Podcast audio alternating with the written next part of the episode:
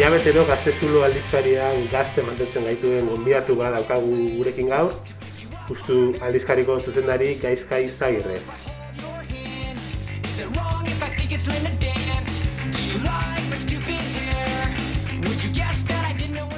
Julen Idigorazek Euskal Herriko Film Affinity bezala izendatu zuen, beraz badakigu gomendioak ematen ona dela gure gonbidatua, Gaur baina musikaz hitz egingo dugu, doinetatik aratago saioa baita hau.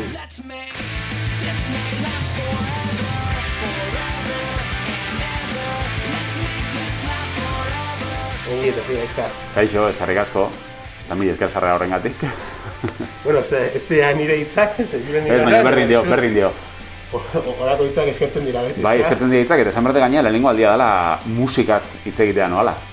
Musikaz zalea zara, berez? Bai, egia da, nerabe zaroan agian musika zaleagoan nintzela, e, musika zaleago baino nik uste musika entzuteko beste modu bat eukitzen nuela legia. Gehiago entzuten nituela agian disko osoak eta sentsazioak bizkat nera alderik behintzat. Disko osoak grabatzearen joera, oi, grabatzearen ez, entzutearen joera hori bizkat galdu egin dela, ez? Spotify eta kontu honekin, iruditzen zain neri, eh? Nez eta adibidez, Olat Salvadoren azken diskoa eh, osorik entzuten nahi eta, eta gozamena iruditzen nahi zaiten, baina batez ere modua, oin gehiago entzute ditut igual abesti solteak, edo soinu bandak, edo... Gaur bosta abesti aukeratu dizkidazu, bai. e, kosazaitu aukeratzea? Asko, asko, eta kosazaitu ikaragarri, e, eta gaina honean etorrela, pentsatzen, jota, zergatik esan dizkiot bostoiek eta ez mhm. beste bosta hauek edo, amarra hauek edo. E, etorri naiz, ja, zalantzak gino, hain, e, egingo bazenik galdera hori, e, mendi bost minutu igual beste bost zango nizkizuke, baina bai. E, pentsatu dut, bueno, etorrez ezkian lehenko bostak, zen nik normalean beti lotzen ditut e, abestiak momentuekin, edo uneekin, edo oroitzapenekin, bai. ez? E, kalitate teknikoa zarago, edo, ez dakit, irizpide musikala zaratago, e, ni naiz oso pertsonala emozionala eta lotzen dut hori segituan sentimenduekin eta momentuekin batez eta horregatik e, aukerak eta hau. Mikain, e, bosta beste aukeratu dituzu, beraz bisi-bisi egin beharko dugu abesti intzutea eta noski hasiera lehenengo izan behar du eta oantxe entzungo dugu Family of the Yearen hiro bestia.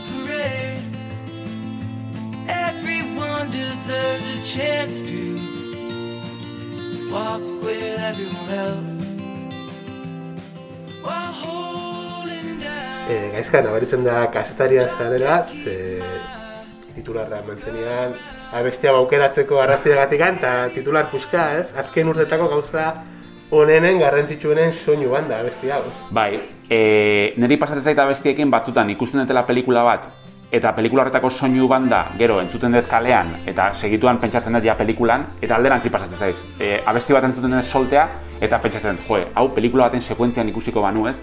Hau aipatzen dut, ze, bueno, pe, abesti hau da Boyhood pelikularen soinu bandaren abestia, e, bide batez gomendatzen dizuet Boyhood pelikula zoragarria.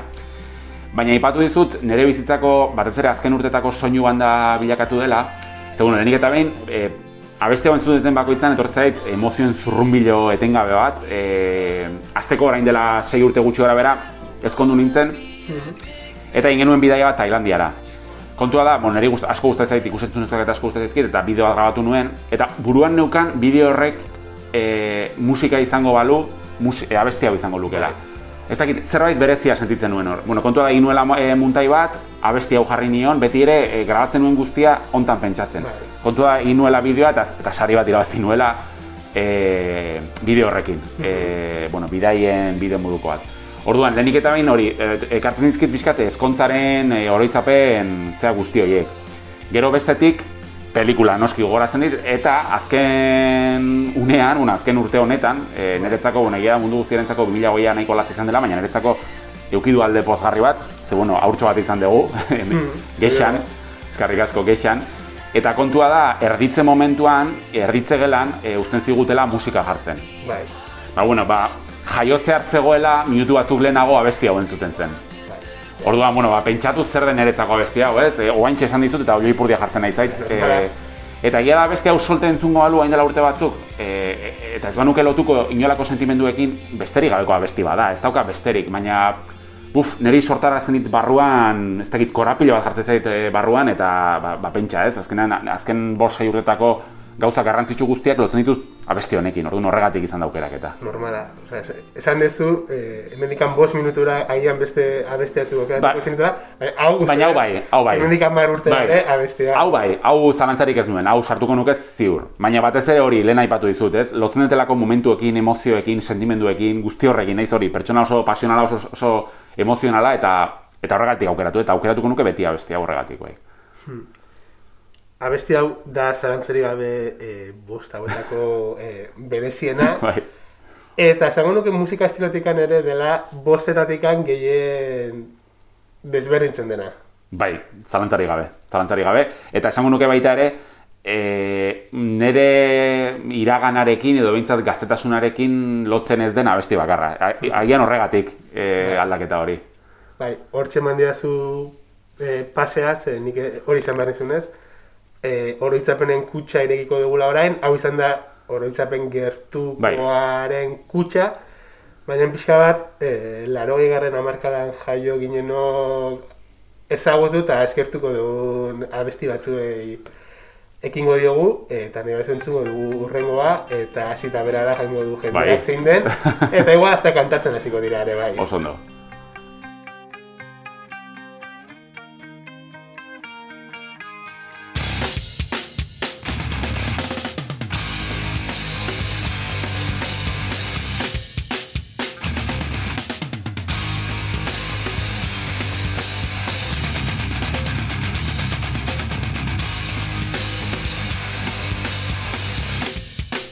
ondo.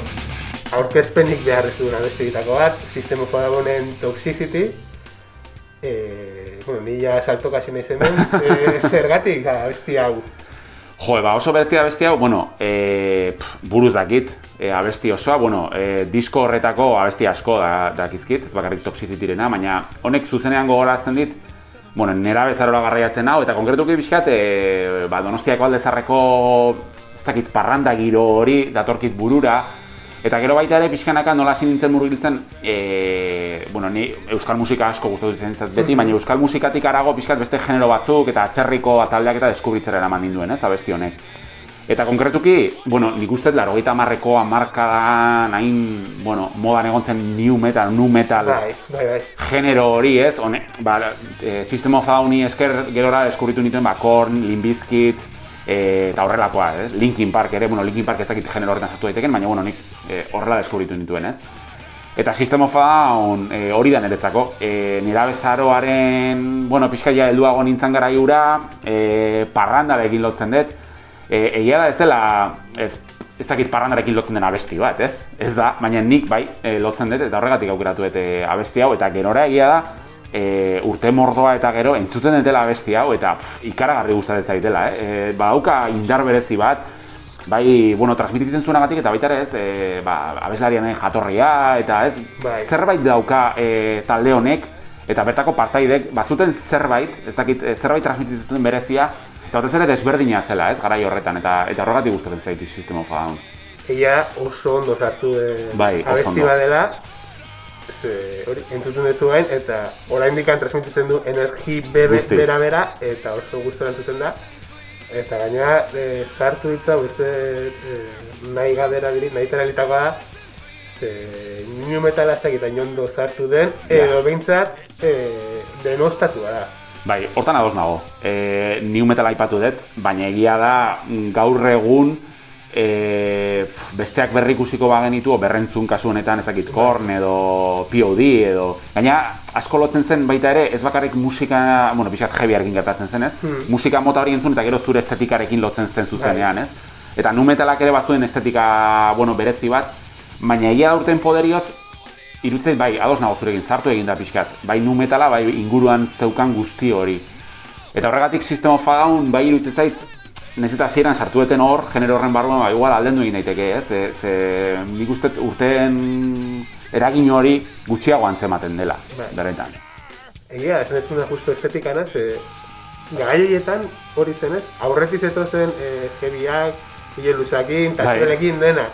New metalarekin ebai, hor zeon, eh, de hecho, txandal metal ere. Txandal, bai, zitzaion. egia da, egia da. Estetika, bai, gero etorri zen emo musika. Bai, emo, hori da, beste, aztertzeko beste kontu bat, emoena, bai. Eta orain ez dakit hainbeste da. Bueno, trap musikarekin badago estetika bat, asko Bai. zabalagoa da, zer emoarekin oso Bai, bai, zen. bai. Eta baino, egia da nola, musikak balintzatzen duen askotan. eh, Estetika. Estetika. Bai, emoena, hor, ez dakit, e, baita ere egontzan honein segida My Chemical Romance, eta, eta Bai. horrelakoak jarri ziren, moan, eta adibidez My Chemical Romance bada talde bat, e, orain dela gutxi entzun nuela berriz, eta eta ez dela bat ere gaizki zartu, baina bai, estetika eta musika eta hori leno ere e, eremu gehiago zeuden, ez? Zuk esan dezuna, punka zeukan bere estetika eta bere ikusle entzule mota, e, nu metala, jebia. Gaur egun, trapa aipatzen dugu, eta, eta baina trapa bai dela, mm, ez dakit, e, bai. zabalagoa iruditzen Bai. zait, bai estetikoki bai zentzu askotan, ez? Eta gero dago beste gai bat dela, e, entzuten genuen hori, ea aipatzen genuen edo lotxa ematen zigun aipatzea ala ez, eda gaur egun berdina gertatzen den, edo ez, ez hor badaude beste gauza batzu Bai. Bazeukatela Zuk bere. Musikaz lehenengo aldia dela hitz egiten dezula hemen eh, mikrofonoten aurrean, baina, bueno, eh, zinemaz, telesaiez hitz egin zanezu. E, hor ere badago, orain txaipatu dezun hori eh, ez, esatea agundatu zaitara. Bai, e, ingelesez guilty pleasure de aipatzen Bai. den hori ez, e, plazer ezkutua edo aitortzen ez den plazer hori ez. E, egia esan, nik uste adinarekin e, sendatzen den gaixotasun badala, zen, nik oain momentu honetan, daukadan, adinarek, daukadan adinarekin, e, neri berdin zait esatea, ez dakit, entzuten detela, mm, ez dakit, Miley Cyrus, Bai. Edo ikusten detela La Casa de Papel, bueno, La Casa de Papel ez zait gustatzen, baina bueno, bi adibide jartzearen, ez? Osea, legia, nik uste gaudela ja momentu batean gizartean non e, etengabe egon behar gehan kontsumitzen, bai entzuten, bai ikusten, Bai. eta e, zer ikusi eten baino, da, e, gustatu zaiten baino, da esatea, ja ikusi etela, lehenengo izan naiz ikusten, lehenengo izan naiz ikusten, eta ipatu inbar dut, eta etengabe zurrunbilo horretan sartzen geha, ez? Eta, eta nik uste hor gauza galtzen ditugula, eta, bueno, e, ez dut gehiagi desbideratu nahi, baina bai, pixka zuk esan dezunaren arira, e, guilty pleasure hori edo, nik uste adinarekin sendatzen dela, eta nera bezaroan dazkagun, ba, hori, ezakintasunak, beldurrak, eta ba, hau dela ere lotuak, ba, bestek zer pentsatuko duten horrekin, ez? Eta, eta hori lotua dijoa noski kulturarekin, ba, nola esango dut gustatzen zaitela Miley Cyrus, edo gustatzen zaitela, ez dakit, krepuskulo edo lakoak, ez? Bestek ze esango duten. Hori gero adinarekin sendatu egiten da. Bai, aurreko baten esan genuen ere saio honetan, e, utikan, plazer izkutuak, e, Bai, bai. izkute izan da. Guztiz. Eta bai entzula bai gu, egia ja entzuten fondoz e, abesti bat, eta uste hau eskutua ez dela izango ez zuretzat, e, ez inorentzat, ez? E, izan delako segurazki azken urteotan, e, azken urte zabal hauetan, askontzako soinu banda izan dena e, talde bat ere berritxarrak. Bosta beste aukeratzea zaila da, hala aukeretan, berritxarraken abesti bat aukeratzea ere zaila da, ez? Ezinezkoa, ezinezkoa. E, e, aukeratuko nituzke daibez bost abestioi, bueno, lehenengoa bai, boyhood, Bai. baina erraz lau berritxarrakenak. Berritxarrak da nire bizitzako taldeetako bat, zalantzari gabe. Ez euskal musika talde bat etako bat, askotan dago joera esateko hau da nire euskal musika gustokoena. Bai, Ez, da nire talde gustokoena, oroar. Eta abesti aukeratu dut, hain zuzen, bueno, trampa txiki bat egin dizut. Bai, Ze nire talde, batez ere nera bezaroan, baina gerora ere, talde oso gustoko bat Against da. Eta orduan esan nuen, claro, bi abesti aukeratzen baitut, ja bi galduko ditut hor, erreko ditut orduan aukeratuko bat, eta hola bi taldeak sartuko ditut hori ez inteligente, eh? hori, hori oso ondo hau.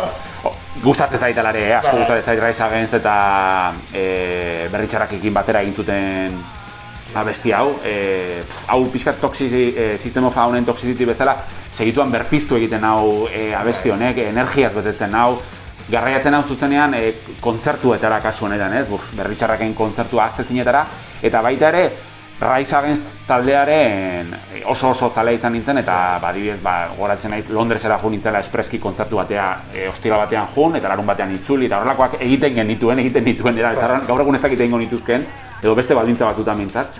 E, baina abesti horren aukeraketa hori da, ez? E, nire bi talde kutxunenetarikoak e, uztartzen dituelako, kontzertu garaira garraiatzen nautelako, e, pixkat berdin zitzaigulako zer eta nola egin, alegia, e, bihar kontzertu dago eta juningo gara, berdin du, lurrean egin barra baldin badugu lo, e, autobus ez barra baldin badago ordu, e, sandwicha drazkaldu barra baldin badugu, berdin zitzaigun guzti hori, eta gaur egun lehen adinarena esan dizut, adinaren poderioz, ja gauza horiek ja ez ditugu berdin antzematen, ez? Eta Eta ez dakit postasunez gogoratzen ditutu une guzti horiek, eta horregatik aukeratu eta bestia, baina bai, ez zuk esan duzu, osea, berritxarrakena bestiak aukeratu nintzake, pff, ba- baia gehienak zer esango ditut berritxarraki buruz, ez? Nire, nire bizitzako soinu bandaren erantzuletako bat.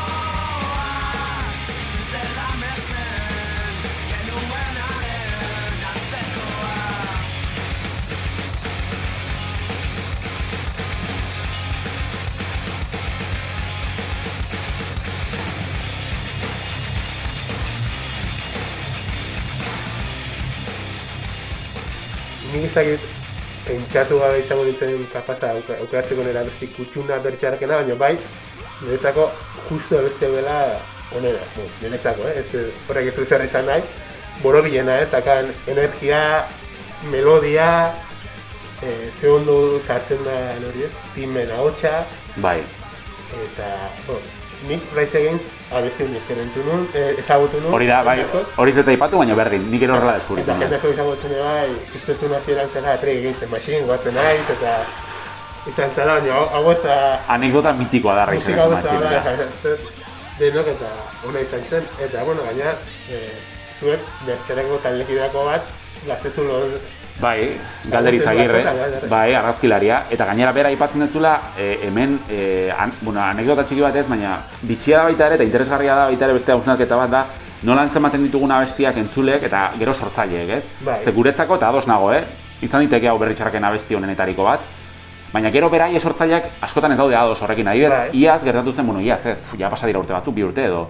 E, berritxarraken az, e, azken diskoko katedral bat abestia, bai, ja, ez dakit, e, ja e, bilakatu da, mm, ez dakit, bai, hasieratik gani himno bat. himno bat bilakatu da ez, baina, mm, hau, bueno, ez dakit kontatu daiteke, baina bai, ja, total, galderreko esaten zidan, jo, ba, niri abesti hori etzait gehi gustatzen, etzait gustatzen, eta beraien artean eta askotan da, ez, gero, e, jaurtitzen dute leno singleak eta ipatu ditugu, ez, Bai. jaurtitzen dute abesti bat, eta ikuslearengan sekulako arrakastako eta funtzionatzen dute, baina behaiek gero badakite agian e, abesti horren atzean ez dela hainbestelako lanketa egon, edo ez dela, e, ez dakit, spoiler abestia, edo... Bai, bai, simplegoa, Bai, edo... eta gero nola funtzionatzen duen ikuslearen, eta gero guk askotan esaten dugu, jo, hau da abesti honena, baina gero beraiek igual, beraien pribatutasun horretan esan Bai. dute, jo, eta hau beraientzako abesti honena, pero si hemen ez genuen e, inolako, ez dakit, hausnarketa berezirik egin, ez dugu ezer kontatu nahi, edo horrelakoak, ez? Eta, eta pixkat honekin lotuta, ba, katedral bat abestian ikusten izan daitekela ere, azken urtetako, hori, himno horietako bat, ez? Eta Bai. nola, nola aldatzen den hori, ez? Horregatik, nola, ja, galdera ipatu dezula. Bai, bai, bai, gaina, eh, agian, himno, himno hitza ondo erabilita dago. Bai, bai. Himno baino iz- izan zen, klasiko bat, klasiko instantaneo. Instantaneo bat, bai. De repente jau zan, behaien repertorion beti egon beharko zuen abesti bat, kontzertuetan, como, abesti hau gabe, faltaba zerbait bezala. Bai, Eta orain ere ezakit eh, izango da himno mitiko edo, baina urrengo abestia ere oso oso mitikoa zen, eta bueno, horren entzungo dugu.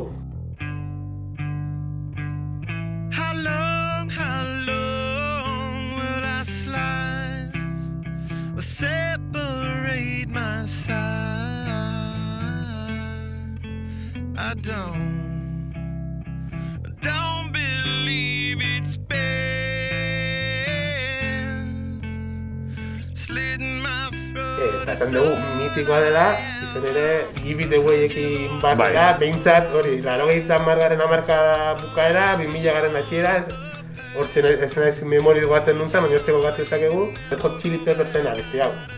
Bai, e, gaina hori, batu zu urte hori, nik, ba hori, ama 6, ama 7, ama boste urte inguru izango nituen. E, pff, talde hau, e, taldea berez, kariño bereziz, edo bere musika, e, kariño bereziz gogoratzen dut, e, pff, e, baita ere izan daiteke nire nera bezaren soinu bandaren eragiletako bat. Egia da gero kontzertu, egon naiz iruzpalau kontzertuetan, eta gero beraien jarrera eta batez ere abesleariena batzutan izaten zen pixka zalantzagarria, eh? segituan ez dakit, e- ez zitzaidan gustatzen. Hau da beste hausnarketa, bat, gero, osea, beraien musika eta gero artistak nola dian, ea banatu daitekeen artisten jarrera eta artistak egiten dutena eta musika. Baina e, Red Hot Chili Peppersekin e, zuzenean, e, juten naiz, bueno, nik berez, bere garaien saskibale jokalaria nintzen, Aha. eta ordu desente pasatzen genituen e, autobusean. Eta disman garai, zoragarri urak, eta lehen aipatu dugu ez diskoak osorik entzutearen joera hori, bazkenan hori dismana geneukan, oso Bai. praktikoa etzen, etzen poltsikoa ezatzen. Baina, bueno, diskoa jarri eta, garo, ez zinen ibiliko diskoa atera eta sartu, ba, azkenan zitezen un disko osorik entzun, ez? Eta Red Hot Chili Peppersek bete zituen ere, ba, autobus bidai horietako ordu pila bat, eta begiak izan ditut, oain e, abeste hori entzuten nahi naiz, eta begiak itxi eta zuzenan, ba hori, saskibaloi garaira, e, ba hori taldekideekin, e, nola askotan eztabaidatzen genuen musikari buruz, eta Red Hot Chili Peppers, baina hau ez, baina oso komertziala da, ez, beste zea bat, ez, Bai. komertziala zer den edo ez den, edo Beste, beste bat. hori. beste, bai, hori beste meloi bat irikitzea izango litzateke, baina eta hori, ba, pixkat eh, lagun artean nola joten ginen autobus partietara, eta dismana, eta gogoratzen dut baita ere, eh, bitxia da, leheno momentuak aipatu dizkizut, baina baita ere, eh, abestiekin batera baita ere, askotan, usaiak etortzen zaizkit edo, e, garai hartan e, autobuseko e, eserlekuen zea hori ez, e, usai. Bai, usai berezi. on hori ez, on hori ez. Hautsontziak ere egoten ziela garai Bai, hartan, eta Egia. Ba, ez dakit, horretzak bizkat arraroak bildu dite, baina, baina hori hori gogoratzen dit, ez? Eta Red Hot Chili Peppers netzako ere izan da oso talde berezia, eta, eta baita ere bakarra, ez? Disko, disko guztiak erosten dituen gainera. Ateratzen ziren ninean, erosten dituen disko Bai. guztiak, ez eta azkenetakoak nire beste kontua dien, baina... Bai. Nik ere hor bazkat, pare bat hiru erosita ere originala. Eta disk, disman aipatu duzu, eh, gaztezuloko iragurle gazteenei kontatzen bai diogu, nola kabetikan paseatzen ginela gazte batekin, eh, pauso azkar bat emate bat zenun, salto egiten, de- egiten zuela, eta musika entzutia eskuatzen nula, eta boltsikoak hartzen zirala hor ireki irekita, eh, flipatiko zuten. Bai, bai, e, teknologia nola aldatu den da ikaragarria eta guk, e, bueno, e, pentsatzen dugu gaur egungo gaztek ezagutzen dutela, baina horrekin lotuta lengoan e, e, ume, bueno, bai, nahiko gazte batekin teleserie bat ikusten eta saldu zen Bai. telefono bat, telefono zarragitakoa, non e, Bai. behatza jarri eta bueltak martzen dituen zenbakiei, Bai. eta galdetu zen, zer da hori? Zer da hori? Nik nintzen, no, ez dakit, hau, Eta, eta nola, Eta nola eta zertarako ez, baina bai, dismanarena ere bitxia da, ez? Eta nola personalizatzen genituen dismanak eta pegatinak, eta bueno, hori ere berezia, berezia zen gara jura. Geratzegu aipatzeko eh, abestenekin esan, esan dezula eh, asistina da taldekideetan fijatzen. Bai, bai, egia da. Guztianten, txatezin bizen. Bai, Baina, eh, ba- bai mentzen badazu paso ingo dugu urrengo abestira, bestela demoari gabe bai, bai, noski, gara. noski. Eta, zarantza dakat, abesti hau aukeratu duzu, baina abesti hau izan daiteke musika estilo bateko aukeraketa bezala, ez? Bai. Abesti hau izan da, baina izan ziteke Beste bat. Blink, eh, Bai, guztiz. bi edo beste bat, ez? Guztiz. Bueno, kasu honetan eh, Milen Colinen Olympic izan da aukeratua, eta bueno, eh, hardcore melodiko, punk rock, o pop punk honetan murgilduko gara. Zeba, ze izan da, haure- izan da garai hortako, Bai. Oso garai hortako... Bai, egia, jo, no, nostalgiaren oso menpe bizi naizela, baina gutxi ikusiete Netflix. Askotan, eh, Netflix, bai. Netflixen eh, gomendatzen Each Percent a City dokumentala eh, Scorsese, eh, Fran Lebowitz elkarrizten dut, eta Fran Lebowitz esaten du nostalgia dela kulturaren pozoia. Bai.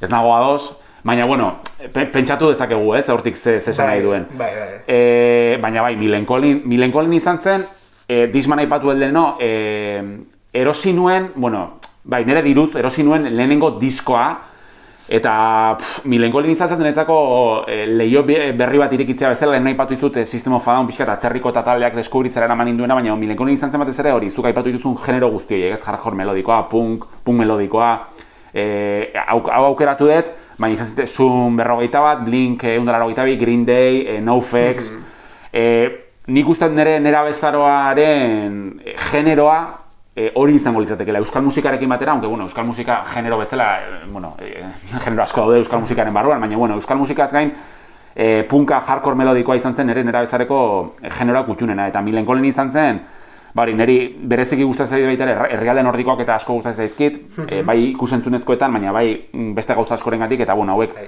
suediarrak dira, e, egin nuen bidai bat suediara eta espreski jo nintzen, ba, beraien pixkat e, jaioterrira eta egon Bai. nintzen hor gustatzen zait horrelakoak egitea, ez? Eta eta Milen Collin da nire talde kutxunenetako bat, naiz eta zuk ondo esan dezun moduan, e, ba bueno, genero hori ordezkatzeko edozein talde aukeratu nezakeen, ez? Baina hori izan da aukeratua eta pff, eta oroitzapen zoragarriak hauek ere. Bueno, kontatu zuenagatik badaka besteen gainetikan plus txiki bat. Eta bueno, e, uste dut ja bukaera iritsi behar degula, hola Salvadorrak zai orain e, kontzerturako, beraz, mila mi esker gaizka, placer bat izan da, eta, bueno, zure nera bezarok, e, nera bezara entzuten bukatuko dugu. Eskerrik asko zuei, ez dakizu zen olako askapena izan da netzako musikaz hitz egitea. Ez dut inoiz egin eta berezi izan da, ozak, mila esker zuei.